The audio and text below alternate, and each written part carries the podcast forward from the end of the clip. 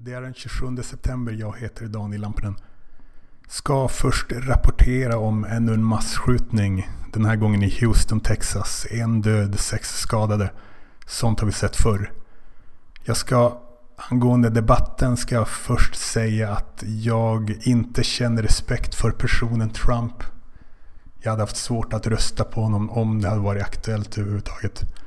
Han är en lögnare, en mobbare jag tror han skulle förgifta den interna kulturen inom administrationen.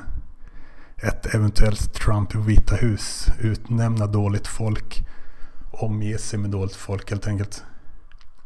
Man kan säga att han har ett begränsat intellekt. Eh, jag tror att hans statsapparat skulle bli enfaldig och onödigt stor.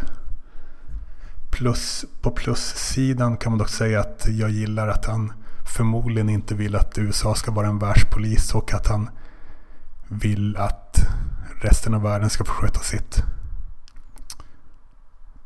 Och andra plustecken kallar jag för att han skulle göra politiken mindre PK. Att han skulle införa mer balls i politiken och mer business-tänk i debatten såg man ett, såg man ett sätt som han är osympatisk på. Det är hans groteska sätt att avbryta Hillary och moderatorn. Och när han själv blir avbruten reagerar han direkt med typ Excuse me, excuse me, let me finish, let me finish. Det är tecken på svaghet. Han har ingen stil, han har ingen känsla. Det är kanske sånt som funkar bland folk i allmänhet.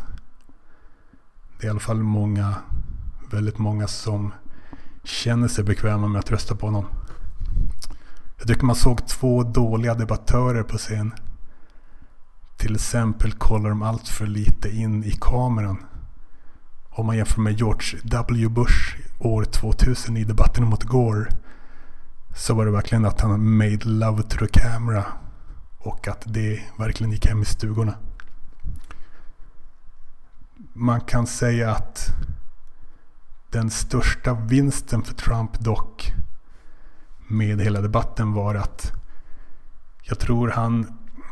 Det var, nu är det mycket färre folk som tycker att det, att, att det är helt otänkbart att rösta på honom som president.